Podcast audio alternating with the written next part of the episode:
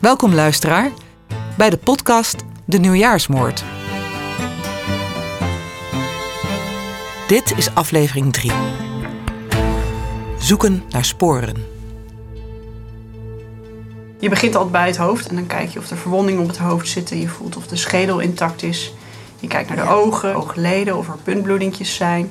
Je kijkt naar de neus, de oren, de mond Ja. en de hals. Ja. En zo ga je dus helemaal naar beneden. In deze podcastserie wordt verslag gedaan van het onderzoek naar de onopgehelderde dood van Marja Nijholt uit Enschede. Zij komt op de nieuwjaarsochtend van 2013 in Os om het leven. Een paar dagen eerder verlaat Marja Enschede.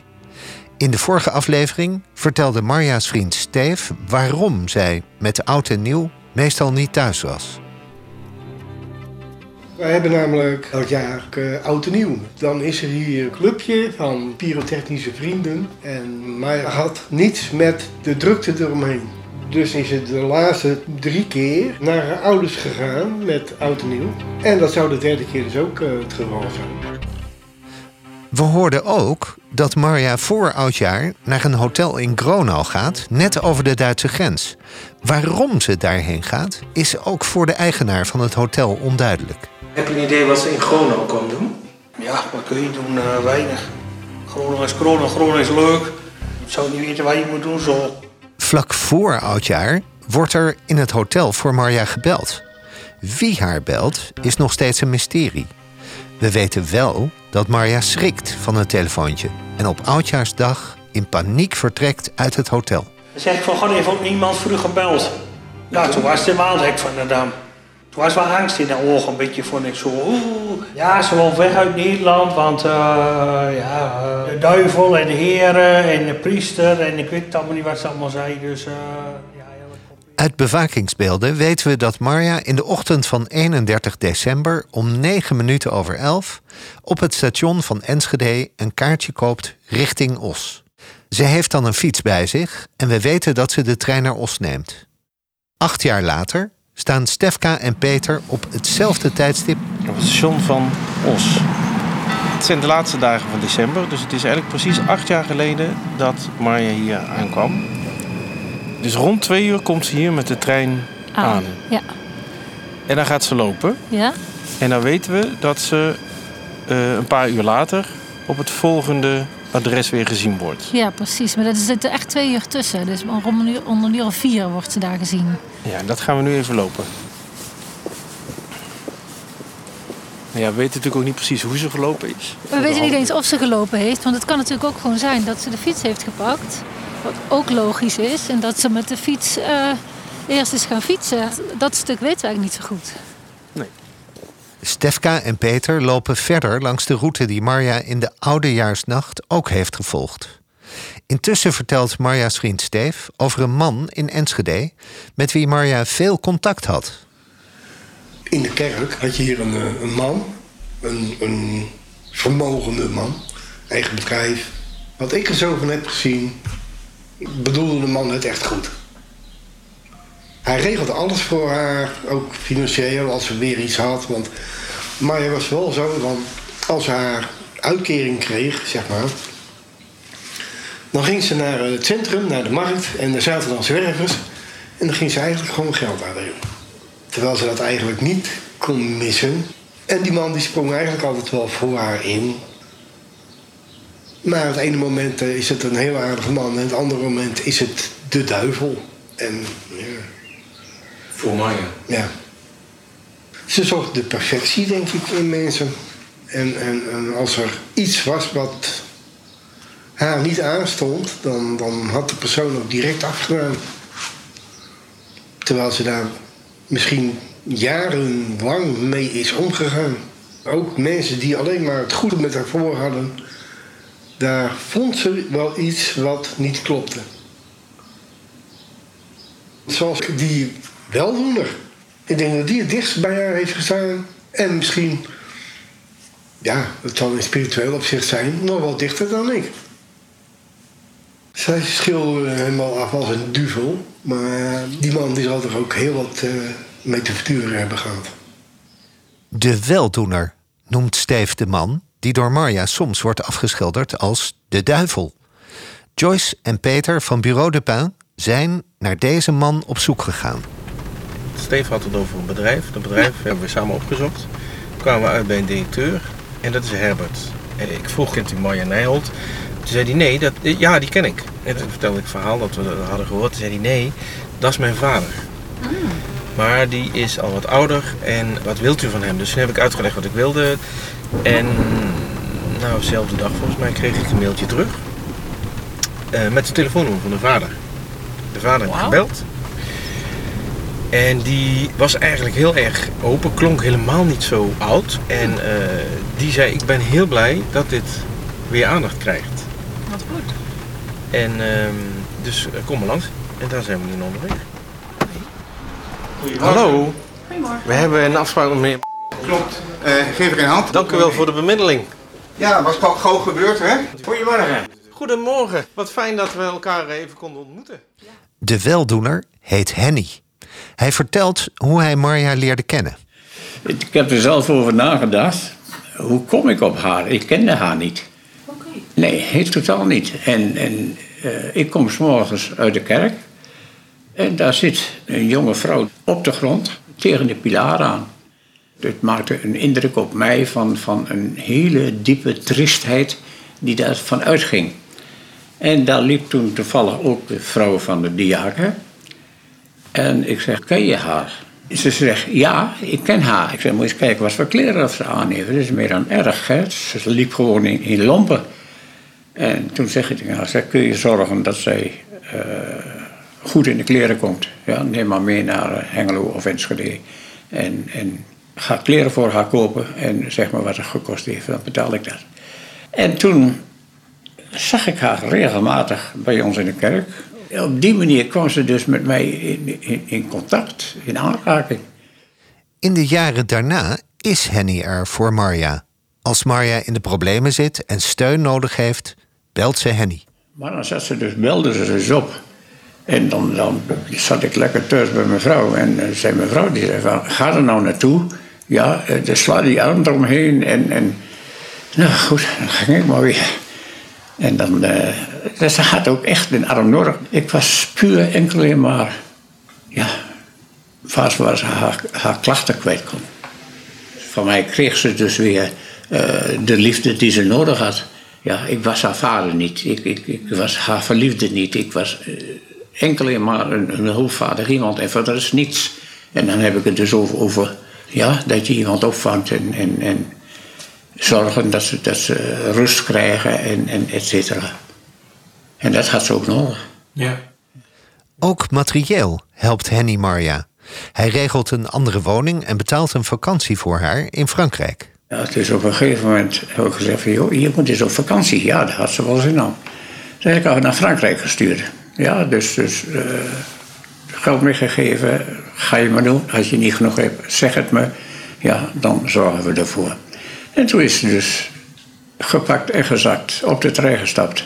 En naar Frankrijk gegaan. En daar, kwam ze dan in die soort uh, ja, jeugdkampen. En, die, en daar vermaakte ze zich heerlijk. Ja? En we hadden dus telefonisch contact. En daar is, is, is ze weken heeft ze daar gezeten. En altijd kwam ze weg met problemen. Dat, dat, dat ruzie was. Ja, ze kon zich niet, niet, niet aanpassen wat dat betreft. En hoe zou u uw relatie met Maya omschrijven? Ik was de contactpersoon tussen haar en Jezus. Ik, ik had contact, persoonlijk contact. Hoe het van elkaar krijgen, weet ik niet. Maar ik kon dat niet uit haar verstand brengen.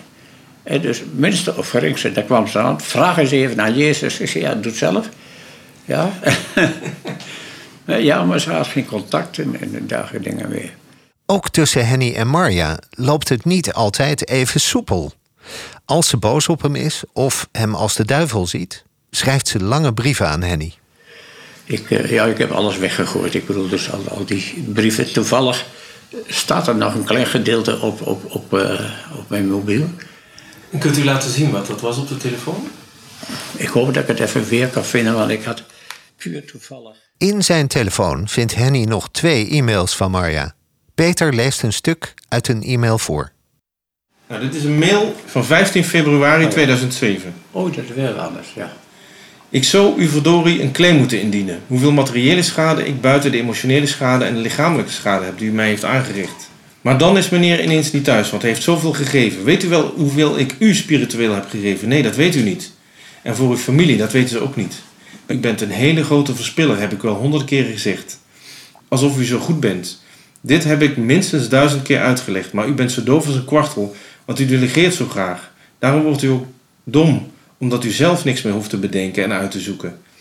Nee, u drijft en jaagt en dwingt, maakt mensen ziek, ziek, ziek, maar zo werkt het niet bij mij. Nou, zo gaat het nog een hele tijd door. Ja, Wat doet dan met u als ik dat voorlees? eigenlijk niks. Het glijdt gewoon langs me heen, omdat ik weet hoe ze is. Dus eh, ik, was, dat- ik had alleen maar in de gedachte om, om, om haar weer op het spoor te krijgen. Dit was dan zo'n zo, zo, zo'n mailtje waarvan je zegt van ja, maar dit slik je niet. Maar bij mij wel. Bij mij ging het erin en aan de andere kant ging het er andere wel weer uit. Maar er staat ook een, een andere in. Zal ik die even voorlezen? Ja, Want ja. Anders, anders lijkt het alsof ze alleen maar heel negatief Ja, is. ja, ja. Hoeveel tijd zat, zit er tussen de, aan die andere en deze? Deze is een week later. Ja. Het is nu dus woensdagmiddag in plaats van 15 februari. Ik weet dat je altijd de mailbox nakijkt, dus ik kan sneller even een langer briefje schrijven. We kunnen ook nog een chatbox aanmaken, dat weten de kinderen wel. En, lekker geslapen? Ik heb een beetje nagedacht en het aan Jezus gegeven, want ik weet niet wat ik ermee aan moet. Kusje, komt u lang strakjes om 6, 7 of 8 uur? Nou ziet u wat ik allemaal van u heb gekregen. Alles zo'n beetje. Wat het mooiste was van God. Liefs, liefs, Marja. Dat is van een andere orde, hè? Ja, dan kun je toch niet, niet, niet kwaad worden op die eerste brief. Ik bedoel, dat, dat, dat, dat viel langs me heen. Mijn opzet was om haar weer normaal te laten denken. Nou ja, goed, wie ben ik? Mijn, mijn, vrienden en, en mijn ken- bekenden die zeiden allemaal, je bent hartstikke gek. Laat, laat haar vallen. Nee, maar je kunt haar niet laten vallen. Het is een mens in nood. En, en echte nood. Ik bedoel, dus, dus dit, dit was niet geveinsd van haar. Wat moet je dan? Het, het, was, het was echt een, een, een, een goede vrouw in, in wezen. De laatste uren van haar leven brengt Marja door in Os. Stefka en Peter bezoeken de plekken waar Marja in elk geval nog is gezien. We komen hier bij Petit Restaurant Café Het Libre. Het is natuurlijk dicht, corona dicht. Stoelen staan op de bar. Ja, het is echt helemaal dicht. En volgens de reconstructie is Marja hier rond 4 uur gezien.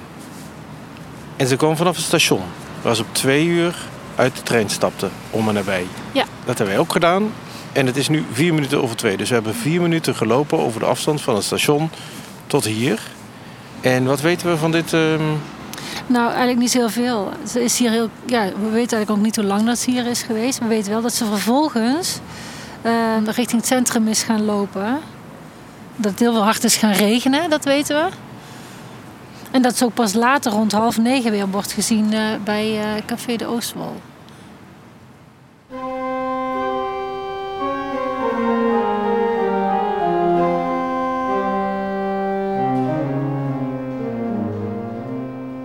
In haar onrust is Marja altijd bezig met het zoeken naar zingeving en spiritualiteit. Ze zoekt haar heil bij verschillende spirituele stromingen. Steef heeft dat van dichtbij meegemaakt. Wat ze wel altijd had, dat was, ja, ze komt uit een katholiek gezin. Ze heeft dus altijd eh, een, een, een, een grote drang naar het eh, spirituele gehad. Ze eh, hopte van de ene re- religie naar de andere. Op zoek naar, ik weet niet precies wat. Zo kwam ze bij de Hare Krishna terecht. via haar broer. Nou, dan, dan, dan hadden we hier twee jaar Hare Krishna wat de klok sloeg. En ja, soms om horen dol van te worden. Maar goed, eh, de zoektocht eh, naar de verlossing, die eh, werd alleen maar intenser. En ze kwam daardoor met andere groepen in aanraking die ik toch wat gevaarlijker vond. In het begin was dat sporadisch. Tenminste, wat ik kon, kon zien. Maar dat, die intensiteit die nam toe. En op een gegeven moment werd dat zelfs de Pinkstergemeente. En daar had ik toch wat moeite mee. Ondanks dat eh, bracht ik haar op de motor wel telkens naar die, die bijeenkomsten. Want ja, je steunt iemand wel in wat ze willen. Ook Henny maakt zich zorgen. Vooral over de twijfel die verschillende geloofsovertuigingen bij Maria teweeg brengen. De Pinkstergemeente heeft een, een rare kronkel in haar teweeggebracht. Zij was altijd opgevoed met Maria, de moeder van Jezus, wat belangrijk was. En die werd door de Pinkstergemeente in elkaar geslagen. Uh, daar deugde niks van en alles voor meer. Maria, ja, uh, die bestond dan wel, maar uh, voor de rest was het een doodgewone vrouw. Ja, en had dus geen enkele functie in, in de kerk niet. En dat heeft haar waarschijnlijk helemaal holde de bolder gemaakt. Dat dit klopte niet met wat zij altijd geleerd had. Ik denk dat daar de kronkel zit, die Pinkstergemeente. Wat zou er dan gebeurd kunnen zijn? In, in de hoofd dat, dit, dat, dat, dat zij dus haar zekerheid is kwijtgeraakt. Haar zekerheid dat uh, Jezus bestond en dat, dat Maria bestond en dat Maria de, de, de moeder van, van, van Jezus was. Zij was, zij was opgegroeid in, in die gedachtegang. Volgens Henny droeg godsdienstige twijfel dus bij aan Maria's onrust. Dan vertelt hij iets opmerkelijks. Hij legt uit wat Marja deed om haar twijfel weg te nemen en introduceert een nieuw persoon in het verhaal. En dan was de, de, de leider van die Pinkstergemeente, die woonde in Os. En in armoede is ze dus gevlucht van Gronau uh, naar Os toe om bij die man hulp te krijgen. En dat is niet gebeurd. Ja, ik bedoel, dus zij heeft bij mensen geweest en, en gevraagd om hulp omdat ze vermoord zou worden. Ja, ik snap niet waarom of die mensen dat niet uh, opgepakt hebben. Ze zien toch, je ziet toch dat, dat een mens in nood is. Maar ze hebben al laten vallen. Kunt u daar wat over vertellen? Dus ze is naar Os gegaan om met die man te spreken. En dat heeft mij verteld, die man en die vrouw, die dus lid waren van die Pinkstergemeente. En die, die hebben we dus, dus, dus meer verteld dan dat ze eigenlijk wouden vertellen. Want toen ik daar na de tijd op terug eh, ben gekomen en ik heb hen gevraagd, ja maar je hebt toen dat en dat gezegd, waren ze niet meer thuis. Volgens deze mensen was Marja dus op zoek naar iemand in Os. Dit kan een belangrijk spoor zijn dat ook door Marja's vriend Steef genoemd wordt. Ze is toen, zover ik weet, naar het hoofd van die Pinkstergemeente. Maar die man die woonde dus in Os. En ze vertelde mij, ik ga naar mijn vader. Ja, blijkbaar is ze naar, uh, toch uh, naar Os afgereisd. En die heeft daar de deur gewezen van, dit kan niet. En met oudjaarsavond, ja, dat is al zo. En ik weet, ik weet hoe, ze, hoe, hoe zij dat altijd... Hoe, dat ze dat deed. Ze was best wel goed in het uitvinden van adressen en uh, telefoonnummers. Als ze echt iets wilde weten, dan kwam ze er ook achter. En zodoende uh, kwam zij dus achter het adres van die man. En ja, ze, ze wentelde zich in, in, in aparte situaties waarvan je denkt van... dit kan goed aflopen, maar dit kan ook niet goed aflopen. Gewoon in, in haar ja, gedrevenheid uh, om haar doel te bereiken. Mm -hmm. En ja. Achteraf hoor je pas uh, hoe de situatie is, uh, zich heeft afgespeeld en wie ze allemaal heeft benaderd om uiteindelijk toch bij die man terecht te komen.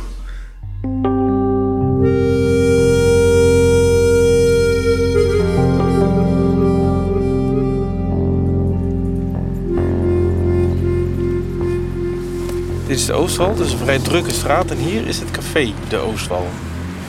En hier is Maya gezien rond...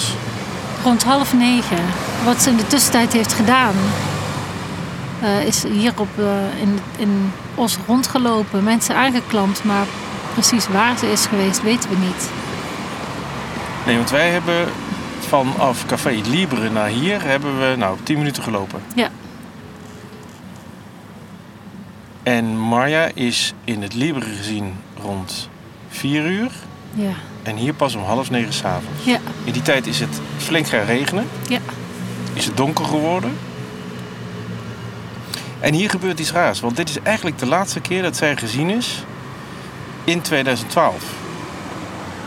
Dan is ze een aantal uren onzichtbaar. En pas rond half vier in de ochtend wordt ze volgens mij weer gezien. En dan zonder fiets. Cafetaria de Oostwal blijkt open te zijn voor het bezorgen van gerechten.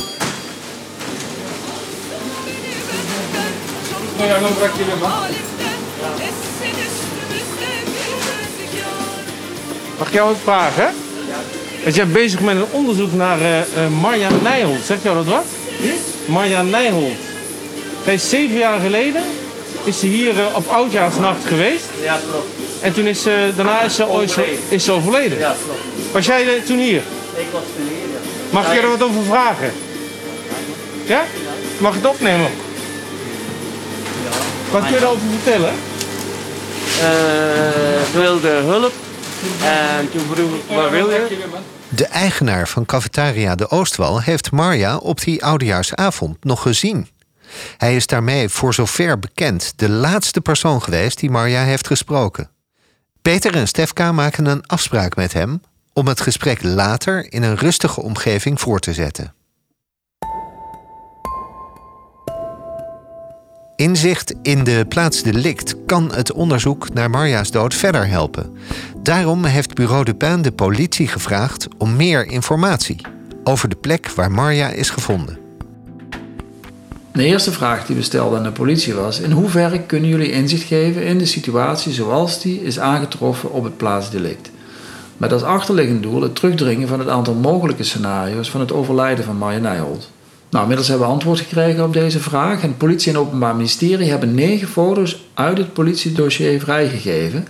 Met toestemming van Marja's nabestaanden. En op die foto's is te zien hoe het lichaam van Marja Nijholt eh, werd aangetroffen op die nieuwjaarsdag. Er zijn ook nog wat foto's van haar bezittingen meegestuurd. En het is voor het eerst dat politie en justitie op deze manier informatie delen met het publiek. Nou, de foto's die zijn te vinden op onze online uh, prikborden van Bureau Dupin. Uh, zodat iedereen die wil, die kan meekijken. Uh, want juist die mensen die vanuit een andere achtergrond en met andere ogen dan de politie naar die foto's kijken, die vallen misschien weer nieuwe dingen op. Tegelijkertijd is Bureau Dupin benieuwd hoe een deskundige de foto's van de plaatsdelict bekijkt. Daarom legt Jet van Bureau Dupin de foto's voor aan Karen van den Hondel, forensisch arts bij de GGD Amsterdam en verbonden aan het Nationaal Forensisch Onderzoeksbureau. Hoe gaat zij te werk bij het bekijken van dit soort foto's? Wat je als forensisch arts doet, je wil zo systematisch het lichaam bekijken. Dus inderdaad, van boven naar beneden. Je begint altijd bij het hoofd en dan kijk je of er verwondingen op het hoofd zitten. Je voelt of de schedel intact is. Je kijkt naar de ogen, je kijkt naar de oogleden, of er puntbloedingjes zijn. Je kijkt of er letsels zijn. Je kijkt naar de neus, de oren, de mond, in de mond. Ja. En de hals. En dat kun je doen als je op de plaatselijk ja. bent. Met foto's is dat anders natuurlijk. Klopt. En vaak is er een verhaal. En als er een verhaal suïcide is, dan ga je kijken... de, de dingen die ik verwacht, uh, zie ik die of zie ik die niet? En bij een moord kijk je, zeker als... Ik heb begrepen dat het om een, om een messteken gaat mogelijk. Dan kijk je specifiek ook naar afweerletsel. Karen bekijkt de politiefoto's en vertelt wat ze ziet. Uh, eigenlijk bij het achterwiel van de, van de tweede auto zie ik een lichaam. En um, het lijkt erop alsof het lichaam op de buik ligt. Op haar rug ligt volgens mij een rugzak die open is. En ik zie er een snoer uitsteken. Verder ehm, ligt er een eh, notitieblok. Dan zie ik nu een close-up foto van de spullen. Eh, waarbij ik dus een, een notitieklapblok zie. Daaronder ligt denk ik een laptop. Of in ieder geval iets waar USB-poorten aan zitten. Dus ligt half op het notitieblok. Er ligt drum, dus ik denk sigaretten of iets dergelijks. Er lijkt verder nog iets, iets zilvers, misschien een armband of zo, maar dat kan ik niet goed zien omdat daar ook een ander notitiebokje op ligt. En een soort zwart leren tasje. En mijn oog valt eigenlijk direct op, op haar ehm, linkerhand. En bij de linkerpol uh, pink lijkt iets roods te zijn. Zou bloed kunnen zijn of, of een huidbeschadiging. En een ring lijkt er om, die vinger te, om mijn vinger te zitten. Een van de foto's toont Marja's jas, gefotografeerd in het politielab. En we zien een soort groenbruine jas uh, met aan de binnenzijde van dat teddybond er is een, een, vlek op de jas. Dit zit met name aan de, aan de linkerzijde van de jas, vanaf de schouder tot de hals en uh, ongeveer driekwart van de jas naar beneden. Er lijken meerdere streepvormige beschadigingen te zijn van de jas. En die zitten ook met name op de arm. En dat is dan de linker, linkerarm, de linkermouw. Een capuchon aan de binnenzijde lijkt links ook wel een verkleuring zichtbaar. Wij, wij doen liever niet uh, gokken wat dat zou kunnen zijn. Maar als leek, je, oh, er zit bloed op de jas. Ja, ja dat, dat denk je. Ja. ja. Dat zou heel goed kunnen. In het onderzoek naar Marja's dood liggen alle scenario's nog open. Is er op basis van de foto's iets te zeggen over het uitsluiten of bevestigen van mogelijke scenario's? Daar is nog niet zoveel over te zeggen. Ik snap dat je als leek denkt: ja, ik heb een jas, er zitten gaten in. Um, er zit bloed op. En uh, nou ja, ik hoorde in de, de vorige podcast dat iemand zei dat ze een aantal keer gestoken is. Ja, dan snap ik dat je, dat je dan denkt: nou, dit is moord. Maar jij als expert? Op basis van deze foto's kan ik helemaal niks uitsluiten. Dit kan nog steeds een natuurlijk overlijden zijn. Ja. Ze kan natuurlijk onwel geworden zijn en uh, daar dood gegaan zijn. Ja. Dat kan. Ik, er zijn dingen te bedenken waarbij dit een natuurlijk overlijden zou kunnen zijn. Want een ongeval, dan denk je aan een onwelwording waarbij ze vervolgens op haar voorhoofd valt. Um, dan kun je een bloeding in het hoofd krijgen. Dan heb je uh, suïcide.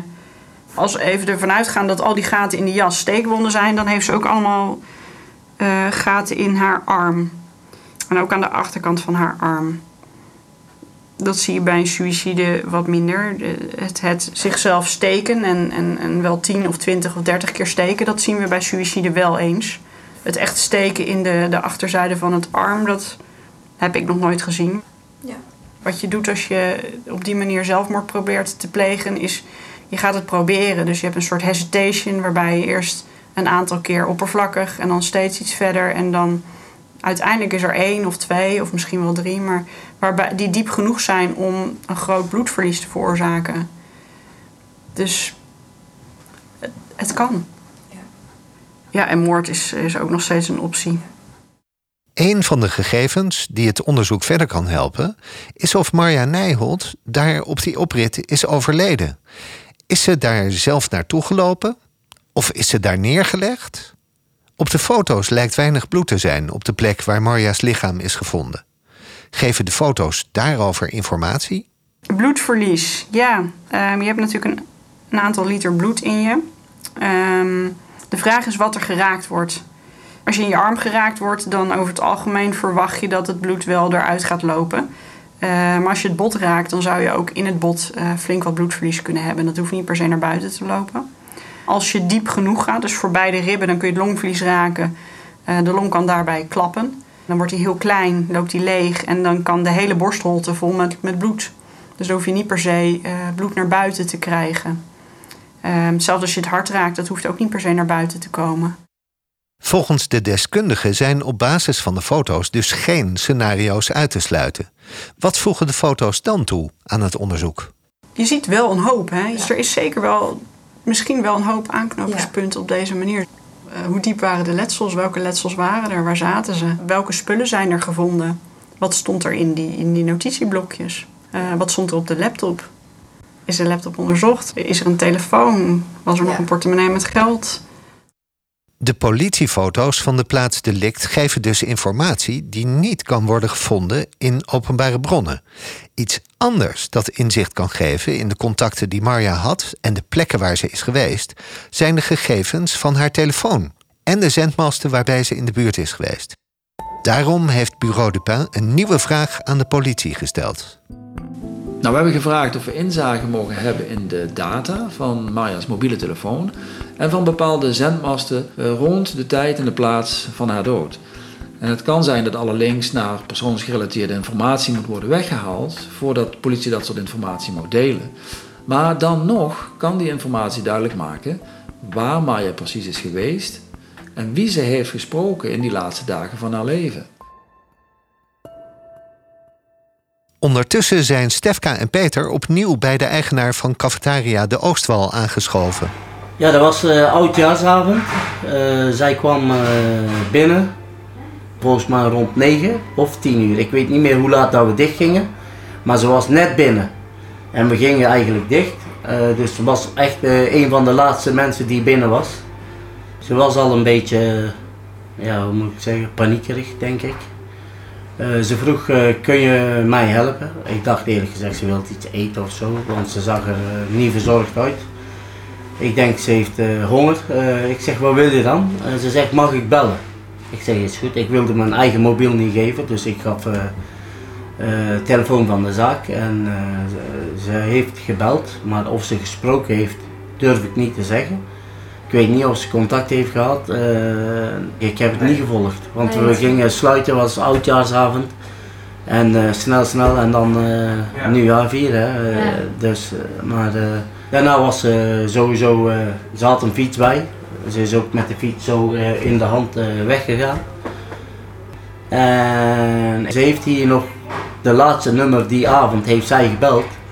Misschien kunnen jullie bij KPN navraag doen of uh, iets achterhalen dat, dat ze die nummer heeft gebeld. Ik weet niet waar ze heeft gesproken, maar ze heeft van de vaste lijn hier gebeld. En vertelde ze verder nog iets, behalve dat ze hulp nodig had? Nee, nee, echt niet. Niet waar nee. ze vandaan kwam, waar ze naartoe wilde? Nee. En hoe kwam ze op jou over? Ja, ze was wel paniekerig, ja, dat wel. Uh, ze, ze zat niet echt rustig in de vel. Ze was wel een beetje verward, zou ik maar zeggen. En dan zouden we dat nummer natuurlijk via de KPN kunnen achterhalen. Ik zou het niet weten. Uh, ik kan het vragen, maar. Ik ja, voor mij, ja, voor mij mag je het vragen. Is voor mij geen probleem. Ja? Want dat zou een heel belangrijk telefoonnummer kunnen zijn. Ja, kan. Dus uh, super. Nou, hartstikke goed. Wil je mijn telefoonnummer? Dan kun je... In deze aflevering van de nieuwjaarsmoord werd gezocht naar sporen. En er zijn sporen gevonden. Een mogelijk telefoonnummer waarnaar Marja belde in die oudejaarsnacht. Een mogelijke kennis van de kerk, naar wie Marja in Os op zoek ging. En ook de politiefoto's van de plaats delict geven informatie. Zo duiken langzaam maar zeker nieuwe aanknopingspunten op die kunnen helpen bij het vinden van de waarheid. We zijn bij het einde van deze aflevering, wat nog lang niet het einde is van ons onderzoek. In de volgende aflevering horen we. Dan, noem, dan noem ik geen namen. En dan schrijft ze in op 30 december om uh, tien over half acht, 2012. Dan zegt ze: Ik ben vluchteling geworden. Ik zeg, maar Marja, je kunt toch niet in het bos gaan slapen? Jawel, zegt ze, dat heb ik vaker gedaan. Ik zeg dat je dat durft. Maar dit is een, dit is een brief die, die ze mij gestuurd heeft op woensdag december 2012. Dat ja. mag ik zeggen. Ja. Wil je X vragen of hij mij kan bellen? Bedankt voor het luisteren en tot de volgende podcast. Tijdens het maken van deze podcast ontving Bureau de Pin het trieste bericht dat Henny is overleden. Wij zijn dankbaar voor zijn openheid en zijn waardevolle bijdrage aan het onderzoek.